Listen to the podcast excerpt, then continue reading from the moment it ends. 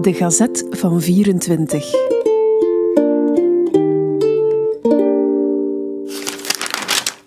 Woensdag, 23 januari 1924.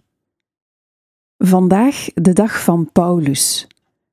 Wij herinneren daaraan in verband met de zeer eigenaardige gewoonte die te Galmaarde in Brabant bestaat, dien dag de pauwelbroodjes uit te delen.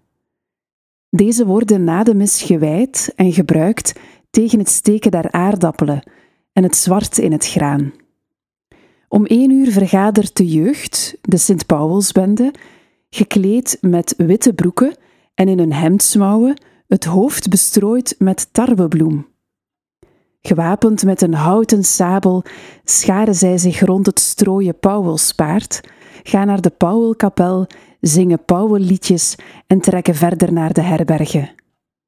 Sint Paulus wordt vandaag ook door de touwdraaiers vereerd. Op deze dag, zo meent het volk, leveren de vier winden omtrent middernacht een hevige strijd op het kruispunt van vier wegen. De wind die op klokslag twaalf uur heerst, blijft gedurende het jaar.